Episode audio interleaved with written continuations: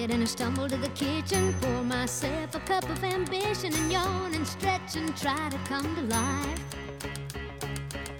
Jump in the shower and the blood starts pumping. Out on the streets, the traffic starts jumping with folks like me on the job from nine to five. Working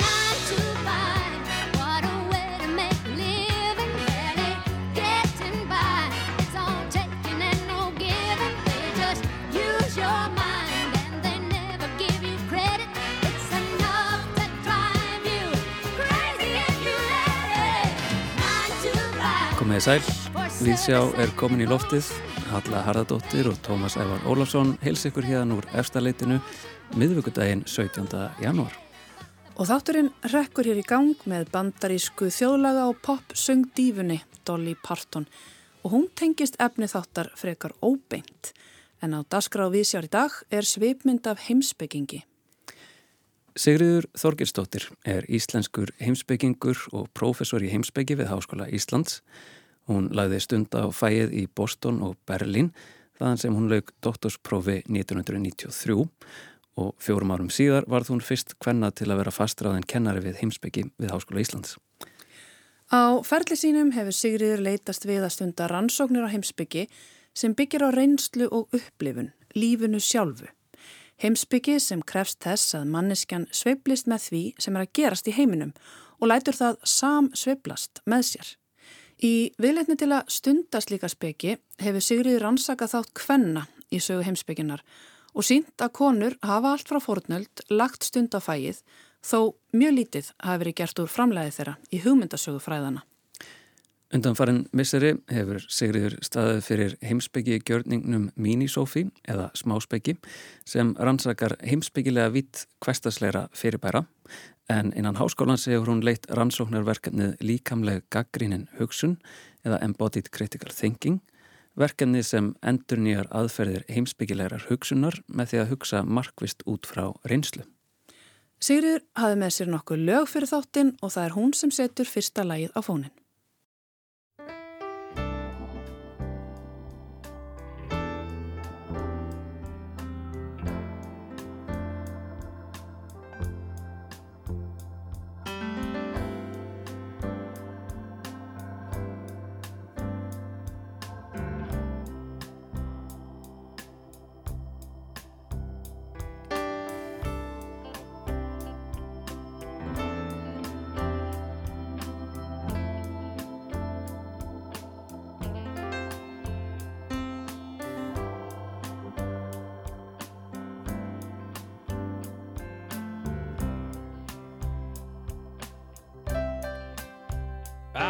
Out on highway, in the byways, all alone. I'm still searching for, searching for my home. Up in the morning, up in the morning, out on the road. My head is aching. and my hands are cold. And I'm looking for the silver lining. Silver lining in the clouds. Yet I'm searching for, yet I'm searching for no philosopher's stone.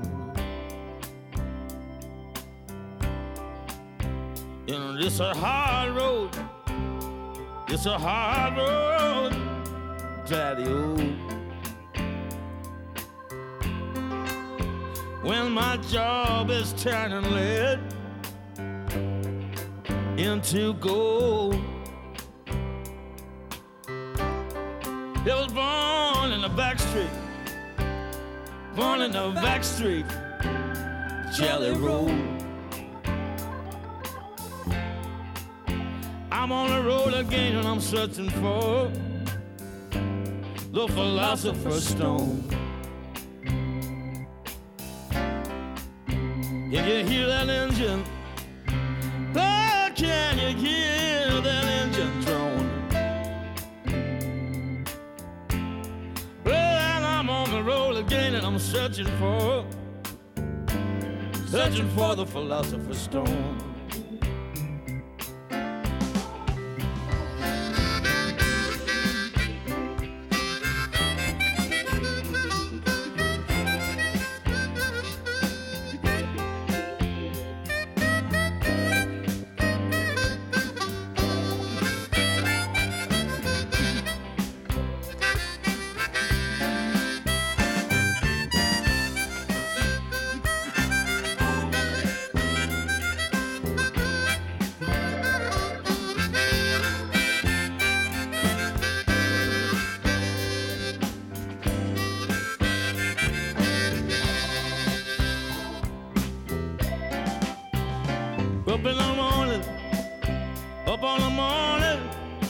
streets are white with snow.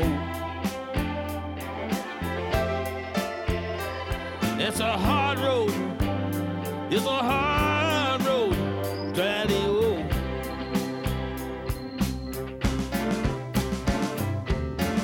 Up in the morning, up in the morning, out on the job. Well, they've got me searching for searching for the philosopher's stone. Even my best friend, even my best friend, they don't know that my job is turning lead into gold.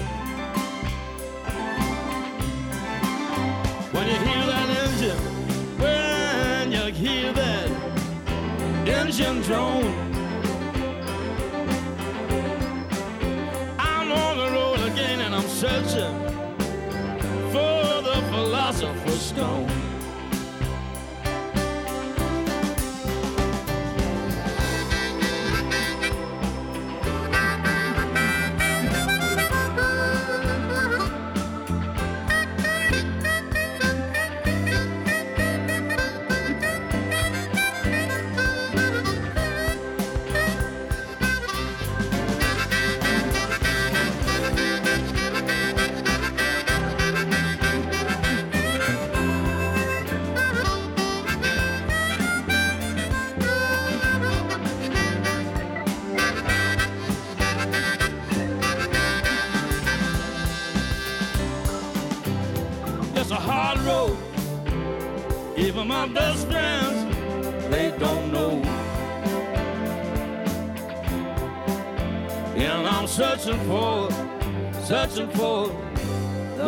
Philosopher's stone.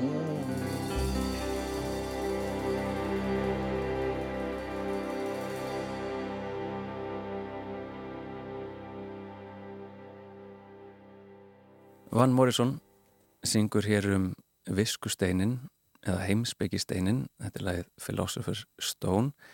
Sigurður, þú valdur þetta lag fyrir þáttinn, mættu við spyrja af hverju? og það er bara einhver þrá í þessu lægi sem ég finnst falleg sko að, að, að hérna, um viskuleitina sem er leita skilningi og bara að svo leit er í sjálfu sér fallega þrá skilning. Mm. og það er líka einhver ástíðinni að því að það er ástíð heimsbyggi, hún er í ástasambandi við heiminn, hann langar að skilja heiminn, hann langar að vera í heiminum Manstu svona hvenar áhugið þinn á heimsbyggi og svona þessari ást á, á forvitni bara á að skilja hlutina kveiknaði? Já, ég held það alveg að það gerðist þegar ég lág í Mosa.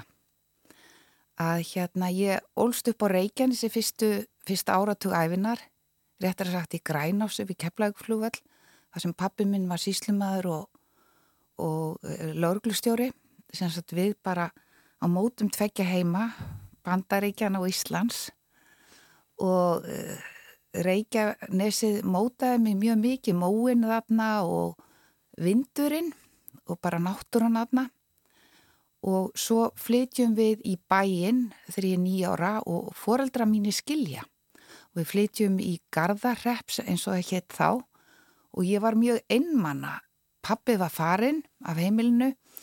E, mamma var ein með okkur fjögur börn og við vorum öll á mjög líkum aldrei, þetta var stór hópur æslabelgja og ég þekkt engan og það var hraunanna rétt hjá. Þannig að ég gekk þegar það var gott veður nýri hraunið og lagðist í mósan.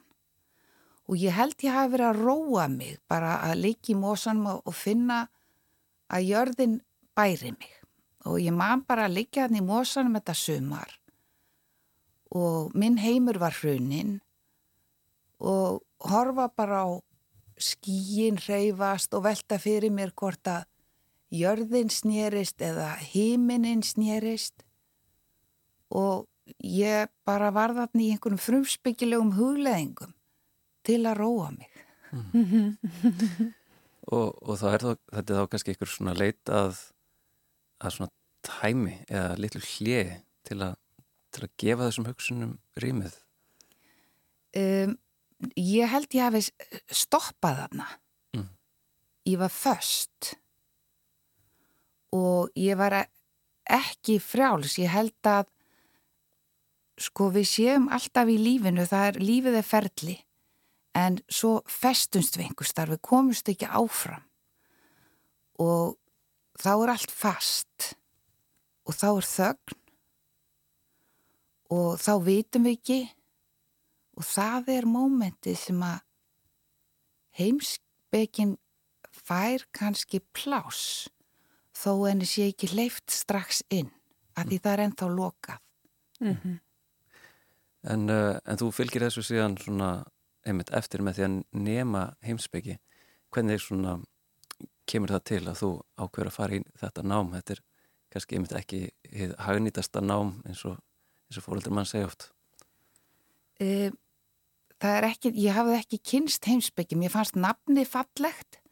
Ég man ég sagði eins og við kennara minn þegar ég var nýjára með langarverð heimsbyggingur, ég vissi ekki hvað þetta nafn þýtti og það var ekkert í mínu heimili beint sem uh, vísaði mér á heimsbyggi, heimsbyggi var ekki til sem grein við Íslenska háskóla eða neitt þess áttar og, og ég ætlaði ekkert í heimsbyggi, ég, fór, ég man ég fór í einn heimsbyggi áfanga í mentaskólum, ég fannst hann ekkert sérstaklega skemmtilegur. Og hérna ég var alltaf verið í hálgjöru ströggli með svona akademiska heimsbyggi og ég fór aðra leiði fyrst, ég prófaði guðfræði og ég var að velta fyrir mér eh, fjölmiðlum og hvort þetta fara að þanga og það var hálgjör tilviljni endaði heimsbyggi og hérna og þá var það einhvern veginn ekki aftur snúið og, og það er í rauninni líka bara svona ákveðin luxus námslána kynnslóni, ég gæti fara erlendis Ég þurfti að fara erlendis að ég passaði ekki inn í þá típu sem var að fara í heimsbyggja á Ísland og þeim tíma það voru einhverju gaurar og mentaskóla sem voru ímist kommunistar eða nýfrálsveikju sinnar og það var ekki mín leiðin í heimsbyggja, hún var önnur. Hún var meira þessi tilfinning að hafa leiðið í mósanum. Og svo ákveður að fara til Boston í nám. Hvað hugmyndir hafður um námið og svona hvað væntingar hafður til námsins? mér fannst að bara vera eitthvað frelsi í þessu. Mér fannst að fá að spyrja stóra spurninga, það var eitthvað sem að ég hafði bara einstinni þráð allan tíman og um leið fannst mér þetta vera nám sem var ekki bara um eitthvað þannig úti, um eitthvað efni. Ég egnaði snemma vinkoni í náminu sem var rúsnesk og hún var tíu árum eldri en ég og við höfum talað um heimsbyggja allar götu síðan. Mm. og það er orðið langu tími. Og ég man að hún sagði við mig þú verður að hugsa um eigið líf. Að því heimsbyggingurinn hefur ekkert nema eigið líf. Við erum ekki að mæla eitthvað að núti við verðum einhvern veginn að sveiblast með því sem er að gerast í heiminum og láta það samsveiblast með okkur sjálfum mm -hmm. að því við erum bara okkar eigin litla rannsóknarstofa Ymmitt, en þetta er kannski eitthvað sem hefur ekki alltaf verið tekið til greina í heimsbyggi námi og heimsbyggi keinslu þar að segja að manneskjan takir til, til greina sinn eigin veruleika. Ég held að öll stór heimsbyggi hafa alltaf gert það, öll sko og ég held við gerum ráð fyrir því en við kannski tölum ekki bara opið um það. Mm. Við bara einhvern veginn, það er bara gert ráð fyrir því en hérna ég er einmitt að rannsaka þá, ég byrjaði snemma að rannsaka heimsbygginga sem að tala út úr sjálfum sér ég held að kannski það er einföldun að segja það en það er til heimsbyggi sem er mjög svona hlutlæg og talar um eitthvað úti og svo er heimsbyggi sem talar út úr heimsbyggingnum og ég frekar heitlast af þannig heimsbyggi og þess vegna hef ég verið að rannsaka líkamannsamband kenda og tilfinninga og hugsunar.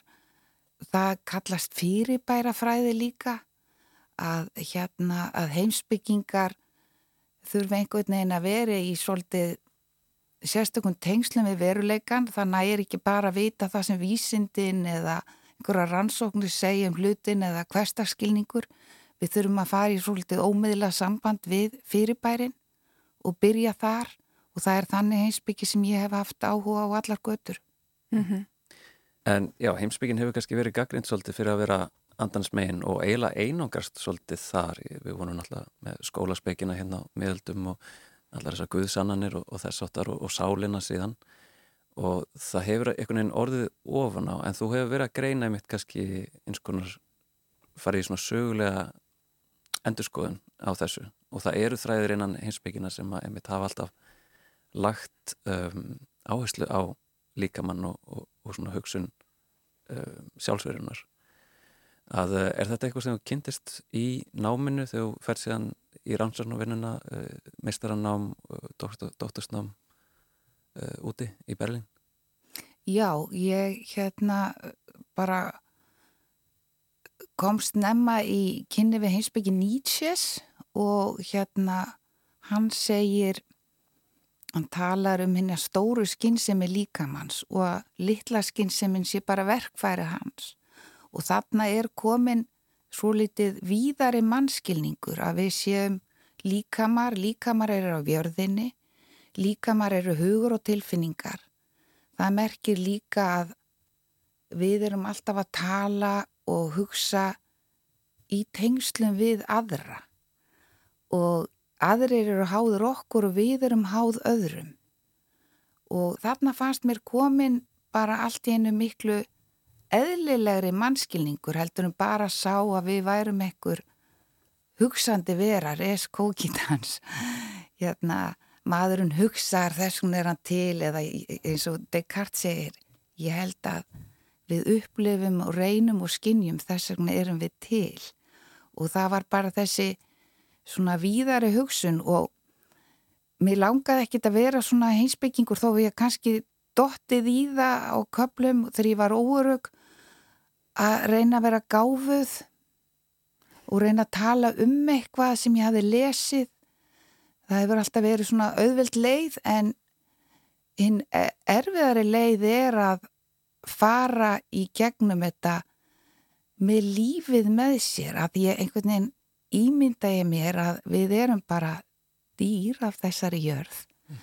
og lífið hugsa einhvern veginn í gegnum okkur og ég held að þetta, mér verður þetta svo augljóst núna þegar við stöndum fram fyrir svo margskonar vanda og hann er kannski tvíþættur. Fyrsta lagi þá erum við einhvern veginn aftengt náttúrunni og það er verðið sem við hefum greitt fyrir tæknu og vísindavæðingu að því við erum búin að reikna út heiminn og það gera verkum að farsímar virka og tækni virkar, þetta er stórkostlegt en um leið erum við alltaf komin og meir og meiri tengslum við Já, bara það að vera af jörðinni, að vera með öðrum, að vera með öðrum líf, lífverum. Af því við lifum í heima þar sem allt er reiknað út og það er svona útreiknandi vitund og þess vegna þurfum við aftur að hverfa aftur til upplifunar. Svo hitt að gerfigreindin er komin á fulla ferð og hún er útreiknandi hugsun og við þurfum þess vegna að þjálfa og leggja rægt við það mannlega í hugsun. Og það mannlega í hugsun er meira en þessi útreiknandi hugsun. Það er að vera þessi upplifunar vera við höfum aftengst því að því að við höfum bælt þetta. Bara þegar barn fæðist að þá er það svona eins og alnæmi. Það er alnæm skín unga barn upplifir allt eins og Hegel sagði sko. Alnæm skinnjun og svo einhvern veginn lærir það að sundugreina heyrn og sjón og allt þetta og, og svo verðum við alltaf vitsmunarlegra og vitsmunarlegra og, og losnum úr tengslum við þetta sem er þarna samt. Og við þurfum að rækta þetta svolítið aftur. Í rauninni þurfum við að verða svolítið venjulegri. Aftur Er þetta ekki það sem að þú kallar embodied thinking, þessi, þessi vinnustofa sem þú ert með upp í háskóla eða hva, hvernig myndum að segja þetta á íslensku, líkamlega hugsun eða? Já, ég tala um þetta sem líkamlega gaggrína hugsun að því að við í heimsbyggi kennum gaggrína hugsun og þá tala ég um hana sem líkamlega hugsun og það er vegna þess að ég er núna að rannsaka mjög mikið með bara hugarfræðingum, heilafræðingum og líka á grundvelli fyrirbærafræði og svo heimsbyggi Eugene Gendlin sem var bandæriskur heimsbyggingur af hérna austurískum uppbruna, gýðingur sem flúði til bandaríkjana barna aldrei og tímum nazismans og hann er nýláttinn og þetta kemur líka úr pragmatisma að finna hvernig við hugsum. Þú veist bara það að leita orðum, ég þarf að fara inn í mig til að finna orðin sem ég ætla að nota. Og þau eru þarna. Og Gendlin uppgötvaði eitthvað sem við kallum skínfinningu og hann var að vinna á mörgum sálfræðu heimsbyggja á þessum tíma. Og hann fór að velta fyrir sér, bara hann fór að hlusta á þegar fólk var í sálfræði viðtölum og það sumum gekk vel og öðrum illa, þú veist, fengi ekkert út úr þeim. Og hann komst að því bara með því að hlusta að fólk sem fekk eitthvað úr viðtölum var það fólk sem einhvern veginn híkað og hyggstaði og var að leitað orðum. Að því við höfum alltaf svarið sjálf og ég er að kenna og ég á ekki að vera sem heimsbyggjikennari að segja fólki hvað á að hugsa. Ég á að hjálpa því að hugsa að því að það hafa allir eitthvað í sér sem er svarið á þann hátt að hver einasta manneskir einstök. Það sýtur engin á sama stað á þú, það verður engin upplega alltaf sama á þú. Þess vegna verðum að þjálfa fólk til að nýta það sem það hefur. Að því hver einasta manneska er óendalega merkileg. Hver einasta manneski hefur hugsanlega eitthvað fram að færa sem heiminn vantar. Hver einasta manneska og rétt á að þroska og það blómstri sem hún hefur. Mm -hmm. En já, þú, þú minnist einmitt á að, að sagt, þú átt ekki að einhvern veginn vera að segja fólki hvað á að vera að hugsa og svo myndist aðan á að auðvöldarleiðin væri að lesa og skrifa um eitthvað sem þú varst að lesa og ég veldi fyrir mér um, í þessum vinnustofum sem að vinna með nefndum og, og reyna að þjálfa eitthvað svona hugsun bara hvaða aðferðum ert að beita ég byrja flest námskeið mín á að kenna fólki að hlusta. Og þegar ég var að byrja í námi þá var kannski verið að svona peppa stelpur svolítið sko hérna að tala er gull, að hlusta er silfur. Uh, við ættum þyrstum að finna röddin okkar og tjá okkur og það er allt gott. Og ég er líka afsprengi þess tíma úr íslensku samfélagi kvennalistin og allt þetta og feminismi og hérna þetta var allt þegar ég var barn að, hérna þá skipti þetta máli. Mann eins og var ég út á golfvelli með pappa og kom einhver maður og sagði hverra mann er þú? Og ég hafði verið að hlusta á eitthvað lag, poplag og ég sagði ég á mig sjálf. Og í rauninni, sko þetta er hallarslegt móment eða eitthvað svona, mér fannst það svolítið neyðalegt sjálfur en í rauninni var þetta líka stemning minnar kynnslóðar og ég er ofsalega þakklátt fyrir að hafa ekki fæðist mínútu fyrr heldur bara þarna sem ég gæti sagt þetta. Og aðferðina, ég talaði um að byrji, við byrjum á að, að kenna fólki að hlusta og ekki bara tala og tjá sig. Að því að fórsendan til að tala og tjá sig er að hlusta. Ef við ætlum ekki bara að verða páagöggar og endur taka eitthvað sem aðri segja heldur að hugsa sjálf að þá verðum að læra að hlusta. Og ég byrja á æfingum, ég læt fólk tala saman í pörum og þá ertu bara að hlusta kannski í þrjármyndur og annar talar í þrjármyndur og þegar þú ferðar hlusta og segir við fólk hlustað á hvernig þú hlustar. Verður óþólinn móð? Langar þið sjálfa að segja eitthvað? Og um leiðu þú ferðar hlusta og sjálfa þig hlusta þá ertu komin í samband við sjálfa þig. Mm -hmm. og það er þetta samband sem er hugsun. Að hlusta hvað er það nynni, hvaða rattir eru í gangi í mér, hverjar eru þær? Einmitt, en þannig er þetta líka að tala um að færa í rauninni sko persónlega reynslu inn í skólastofuna og gera hana hluta af náminu, er það ekki?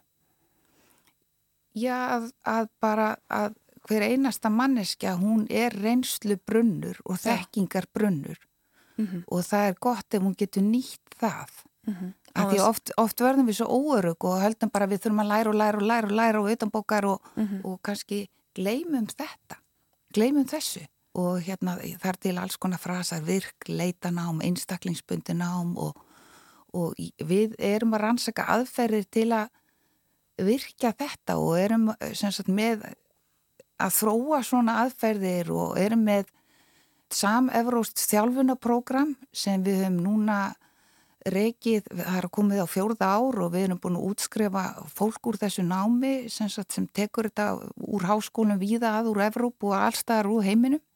Þetta er samstarf sjö háskóla og við höfum verið með Erasmus styrki fyrir þetta og við, þetta er fólk sem er í háskólum og við erum að nýta þetta til að koma með þetta inn í rannsóknir og við tölum um þetta sem fyrstu personu nálgun sko svona gamla hugmyndin eða klassísk hugmynd eða viðtekin hugmyndum rannsakandi er einhver sem er svona algjörlega hlutlægur en það er alltaf manneski að inn í þessum hvita sloppi mm -hmm.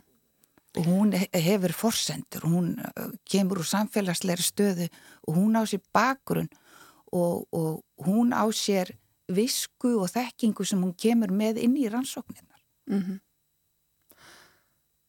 Má ekki segja einhver leiti sko að þín feminiska nálgun sem að þú tókst snemma á þínu ferli sé sko hafa haft mikil áhrif á þetta, þetta sé tengt þessu vegna að þar kemur sem sagt eh, svo hugsun inn í fræðakerfið að samengi skipti máli og, og personan en ekki bara hið algilda eitthvað meginn algjörlega, það, ég menna feminismi helsta slagvarðans þegar ég er að vaks og grasi er hérna enga lífið er pólitíst og þá var verið að tala um heimilið og ég myndi þýði þetta yfir á mína grein persónlega hið einstaklisbundna er heimsbyggilegt því í rauninni persónlegri sem við verðum í einhverjum djúpum skilningi því almennari getum við orðið að því maður skilur mannesku best þegar maður skilur einmitt þennan einstaklingsbundna kjarna í því sem hún segir.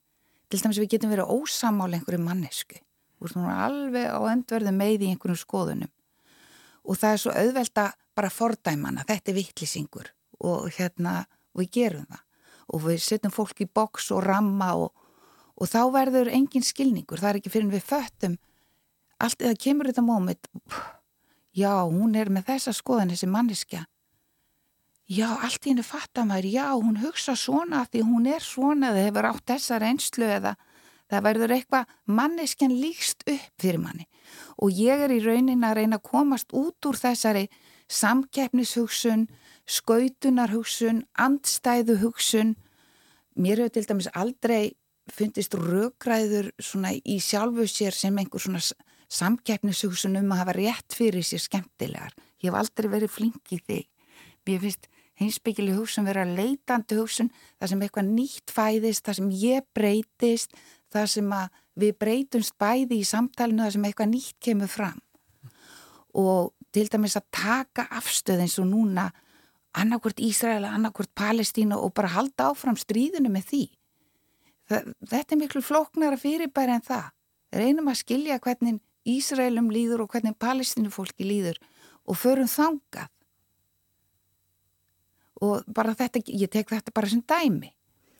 Þetta er það sem við þurfum að gera því að þetta er orðið svo mikið vandamál í heiminum í dag. Ég menna, algoritmar er að reyna sko deila á drotna í heiminum með því að skipa okkur í andstæðar fylkingar með eða móti og heimsbyggja á að fara inn á gráasvæðið, hún hefur alltaf verið þar. Mm -hmm gráarsvæðið. Við ætlum að setja laga og taka öst eftir pásu.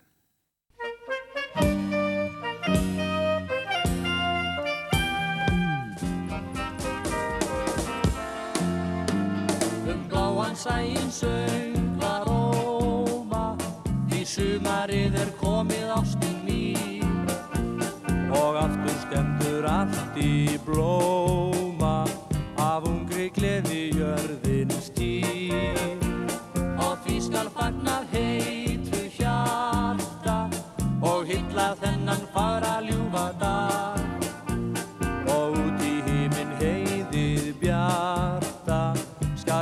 Hefjast okkar gleði lag Og gladar allir syngi sálum okkar begja Mót sumri stefnir framtíðin öll Og háttir endin loft svo vít til vengja Í vorsins drauma bláu sólskilsvöld Og þangað hjartans löngun líður Sem lengst og fegurst dagsins endur stíl Sjá vorið eftir okkur býður Við eigum samlefina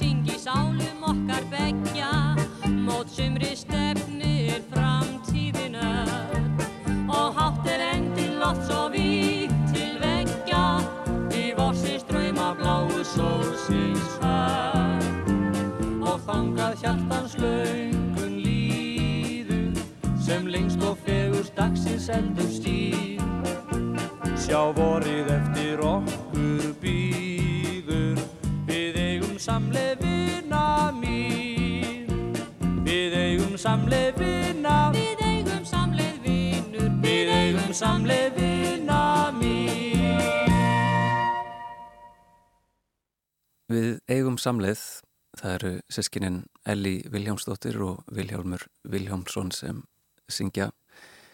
Sigurður Þorgisdóttir, þú eh, valdir þetta lag fyrir þáttinn. Hvaðan, hvaðan kemur þetta lag? Það kemur af Reykjanesinu. Þau eru, sískinin eru alinu á Reykjanesinu og, og okkur er Reykjanesi hugleik, bara hugleiki núna af því að allt sem er að gerast Ísland, manni líður svona hálfpartin eins og Ísland sé að bresta, gæti brostið. Jörðin undan fótum grindvikinga er brostin. Og þetta er svo tilvistalegt móment á Íslandi og, og við vitum svo sem að þetta svæði gæti verið stærra og þetta gæti færst nær mannmörgum stöðum. Og mér er þetta bara hugleiki, ég á dóttir sem heitir Elisabeth og ég kalla hann Elli svolítið að virðingu við Elli Viljáms líka því að þau hafa svo fallegan tón þau sískinin, þau tóna svo fallega saman. Og þau fyrir utan að vera indislega rattir og þau einhvern veginn tala upp úr bríminu þarna og, og ég hugsa oft um að þau hafi getað sungið svona, það er einhver fyrirmynd af, af þeim samtölum og samræðum sem ég sé fyrir mér ef við getum talað saman út frá dýbri stað. Ef við getum í rauninni átt svona heimsbyggilegar samræður í svona eðlilegum skilningi og að það er eitthvað sem allir eru færir um. Og þau eru karl og þau eru kona, sýstur og bróðir. Og ég kem úr feminisma, það hefur mótað mig. Og það sem er mikið vandamáli er samskipti kynja og stríð kynja. Og það er líka þessi skautun og polarisering. Og þið taki eftir því að það eru ástasögur bara í bókmyndahefðinni enda yfirleitt með trúlofun. Hvað gerist eftir hann og það er, það er til svo fáar sögur um einhverja langlífa ást. Og þá er ég ekki bara að tala um einhver hjónabönd og sambönd heldur bara samskipti kynjana almennt og þetta gildir líkum heimsbyggina sem hefur verið mjög karlkverf grein það hafa alltaf verið konur í heimsbyggi við erum að rannsaka konur í sögu heimsbygginar en er fengu ekki ingang inn í kanónu heimsbygginar inn í, inn í svona klassísk rít og við erum að rannsaka bara og grafa fram núna á undanförnum árundum bara fjölda hvenna því það er manninu til dæla eðlilegt að filosófera. Við séum til dæmis að mamma Platons var heimsbyggingur. Hún var í hópi píþagóriskara heimsbygginga og verk þessara hvenna hafa tapast en við vitum að þetta hefur alltaf verið þarna. Og þannig að þessi hvenlega rött, feminíska viska, hvenlega viska, öðrísi viska hefur ekki fengið að njóta sín og dafna og það gera verkum að, að með því að halda einu kyni nýður að þá, þá einhvern veginn verður hið ráðandi kyn auðmara. Sjáum þetta bara gerast í undir pólitískum islam þar sem er öll orkan fer í að halda konum niðri og, og, og samfélagin eru í mólum. Mm. Þannig að stóra já, verkefni er einhvern veginn að kynin geti lært að virða hvort annað að nýju. Að byrja frá einhverju nýjum stað.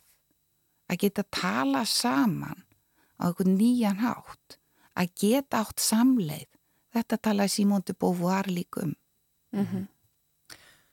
Það hefur verið eitt af þínum verkefnum í þínum rannsóknum að varpa ljósi á einmitt þetta og draga hvern heimsbygginga fram í dagsljósið og varpa ljósi á reynslu hvenna. Hvernig hefur í rauninni þessi nálgun og, og þetta nýja ljós auðgað heimsbyggina að þínum mati? Hvernig breytir þetta samtalenu? Konum hefur fjölga mjög í akademískri heimsbyggi og það hefur svona hrist upp í henni og það hefur verið svona helsta enduníunar fyrir heimsbyggju og bara almennt fyrir vísindi held ég. Mm. Og bara ef við horfum á söguna, þetta er til dæmis í frum kristni að þá máttu konur vera prestar og konur máttu vera, sko, í fræ, voru í fræðum framann af. Svo gerist eitthvað með stopnarnavæðingu kristninar og Aristóteles verður mjög svona eh, ráðandi heimsbyggingur þar að þá fara að útýsa konum þá koma myrkar miðaldir og það er ekki með, fyrir með endurreysninni að svona konur fara aftur og platonismin kemur aftur svona aðeins inn aftur og þá fara konur að koma meira inn í vísindi. Svo koma nortnabrennur, reyna að kæfa það aftur, vísindabilding, þannig að, að við þurfum fjölbreytileika mannlýsfins inn í vísindin og við þurfum fjölbreytileika einstaklinga. Að einstaklingar dafni.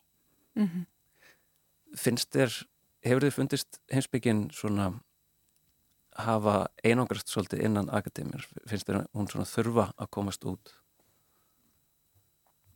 Ég held að heimsbyggileg hugsun sé einhver leið sem við öll getum tekið þátt í á, á forsöndum þessari líkamlegu gaggrínu hugsunar. Og ég held að við þurfum að læra hlusta betur hvert á annað. Að dæma fólk ekki strax.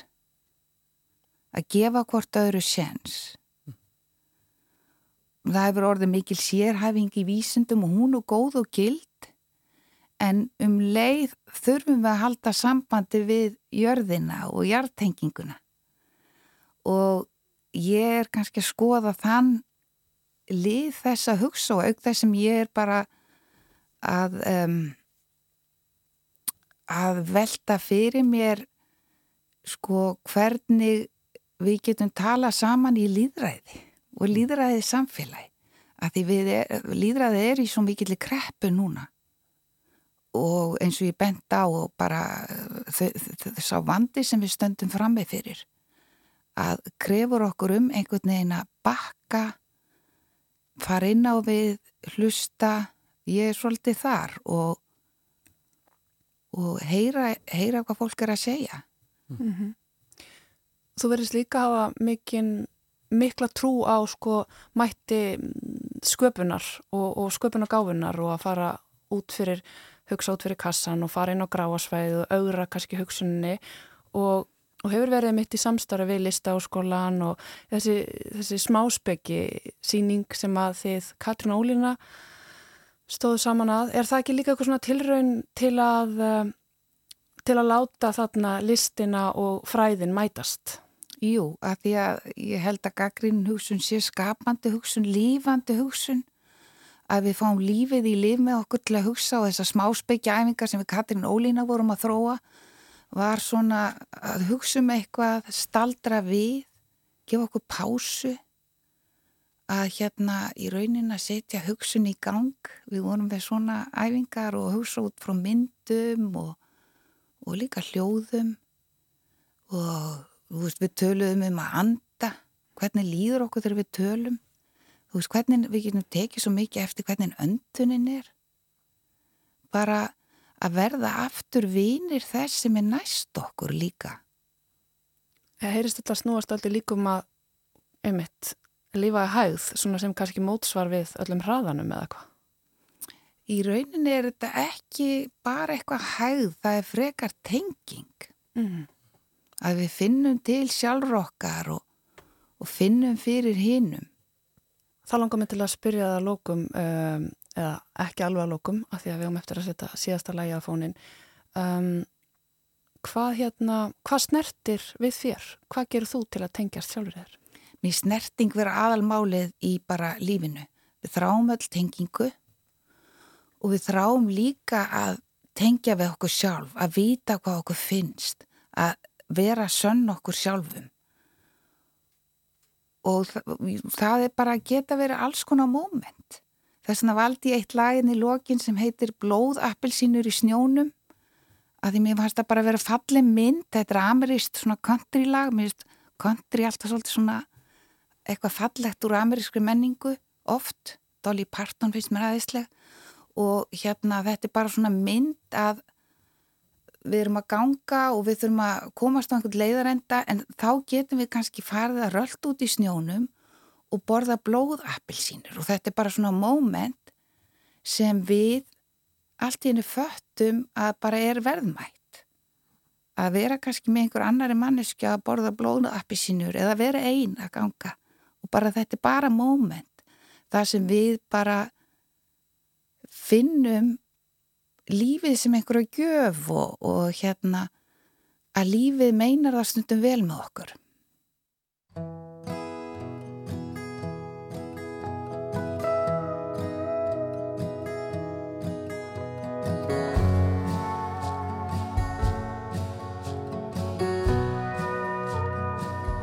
Just a little while longer